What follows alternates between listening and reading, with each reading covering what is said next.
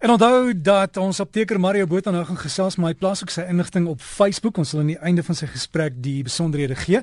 Mario Botha dan geregistreerde apteker onthou bespreek ook die gevalle met jou dokter. Hy kan ook vir jou raad gee. Hallo Mario. Goeiemôre Derek. Ambye. Ambye. Oh. Maar dis mos 'n ding wat niemand kry nie, né? Weet jy, ek dink ons almal kry dit iewers in ons lewe en baie van ons het dit eintlik permanent en ons weet dit eintlik net nie. En Mario, iemand het ge-SMS voor toe hoor jy praat daaroor met gesê dis so klein dingetjie maar dit voel soos 'n rots. Ja, Derek, ek het al mans gesien wat huil in die apteek as gevolg van daai klein dingetjie wat rarig so groot voel soos 'n rots. En dit seer en dit juk en jy wil deur plafonne klim. So seer is dit. Ja. Mario, wat veroorsaak dit? Weet jy, baie van hierdie oorsake is as gevolg van 'n hoë druk in die buik. Nou, hoekom sê ek hoë druk in die buik? As jy swaar goed optel, dan sit jy in die buik en dit kan partykeer hierdie uitsakking dan van of die darmkanaal of are wees. Onthou ons fondament het baie are en hierdie aartjies kan dan uitsak. So iets so swangerskap kan dit veroorsaak of kroniese hartlywigheid. So die heeltyd waar daar drukking is in die buik of waar jy druk, kan hierdie gebeur en dan sak die dele van ons fondament uit en dit kan dan hierdie baie baie seer of juk veroorsaak. Jy kry wel twee, jy kry 'n interne een en 'n eksterne aanby. Nou die interne aanby is gewoonlik nie pynlik nie, maar hy bloei weer en hy kan uitsak na buite toe. En dan die eksterne aanby, dis die een wat seer is, juk is, opgehewe is, ongemak is, jy kan nie sit nie, jy kan nie loop nie. Jy jy wil amper jy wil amper net nie bestaan vir daai oomblik nie. Maar Mario, is daar raad daarteen wat moet 'n mens doen? Ek weet die die ou mense het altyd maar met die ou koerantjie onder die arm na die klein huisie toe gegaan en baie mense sê dis die begin van jou probleem. Dit is die begin van ons probleem. Ons dink om te gaan sit en te gaan ontspan is juis om hierdie probleem op te los. Dis glad nie die geval nie. Wanneer ons so sit en veral wanneer ons op die troon sit, is die probleem dat ons darmkanaal so blootgestel word dan aan die buitewêreld en dan kan baie van ons dinge sak dan nou uit. En dit is die probleem. So moenie met jou slimfoon of jou tablet of jou koerant of of die tydskrif na die troon toe gaan en gaan sit en lees nie. Dis die gevaarlikste ding wat jy kan doen. Hulle sê, gaan in, doen jou besigheid en loop. Hoe vinniger, hoe beter. Moet dit dan net nie druk nie. Dis ook 'n baie slegte ding om te doen. En dan sê hulle 'n dieet aan aan vesel, hoë vesel inname dieet is wonderlik. Want onthou, dit versag dan die stoelgang. En wanneer ons sagte stoelgang het, het ons glad nie hierdie drukbeweging en hierdie intensiteit wat ons moet hê wanneer ons troon toe gaan nie. Ons het dan hierdie gemak wanneer ons troon toe gaan. Ons het sagte stoelgang, dis maklik. Ons kry ons ding gedoen en ons kry klaar en ons loop.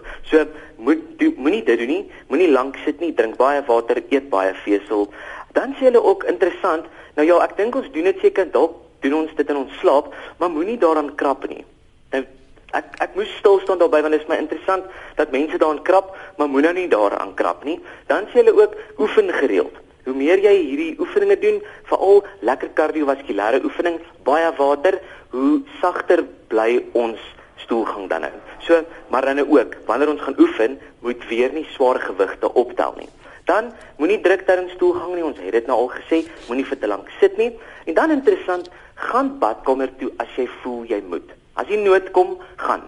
Moenie knyp nie. Hoekom moet ons nie knyp nie? Want nommer 1, verhard ons die stoelgang en ons ver, vererger die aanbye erger. Jy weet en dan gaan ons jou badkamer toe en dan sit nou nog erger. So as jy daai nood voel en jy voel jy moet gaan gaan badkamer toe. En dan die laaste is moenie op die troon sit en lees nie. Ek kan nie dit genoeg sê nie want ons is so lief daarvoor. Ek dink ons is die volk wat die liefste is om dit te doen. Jy kan enige huis se badkamer instap en daar lê maar 'n tydskrif. Moenie dit doen nie. Los die tydskrif buite. Gaan bank toe of in die TV-kamer en gelees die tydskrif eerder daar. Mario, is daar enige raad? Iemand skryf net hier op SMS hulle het dit weggedokter met tandepasta. Ek weet nou nie of dit gaan werk nie. O, Derek, ek het nou ek het 'n boek hier wat noem volksgeneeskuns in Suid-Afrika en dis 'n boek vol boereraad. Nou, ek moet vir jou sê, mense doen die verskriklikste en allermintigste goed seker dan om van hierdie juk en die brand en die seer ontslae te raak. Ek dink enige van ons sal as ons fondasie aan die brand is om iets te doen om dit weg te kry. Ek het al van mense gehoor wat van alwyne, die binnekant van alwyne setpille maak en hulle sê dit werk vir hulle.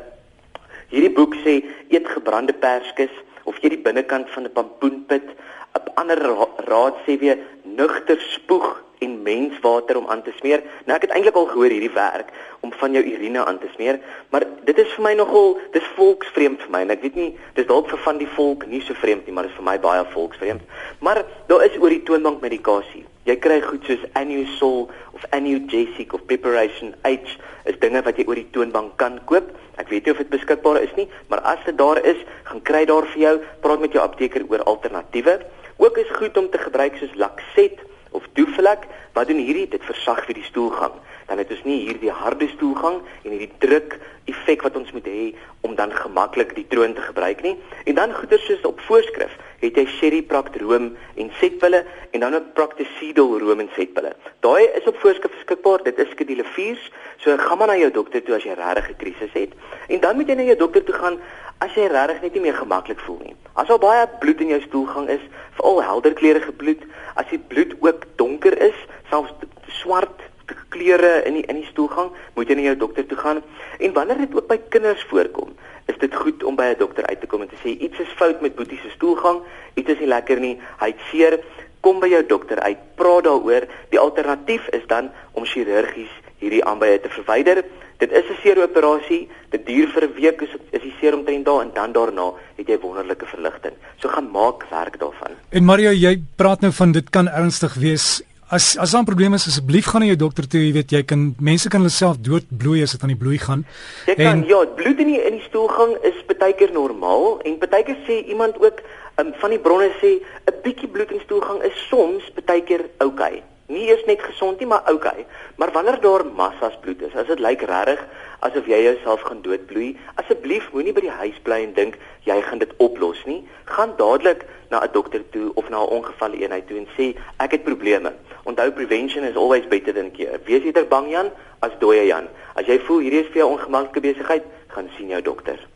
Mario, het jy die inligting vir ons op jou Facebook? Die inligting is op my Facebookblad en as jy daaroor wil praat of oor skryf, kan jy my graag e-pos ook by mario.m.botha@gmail.com.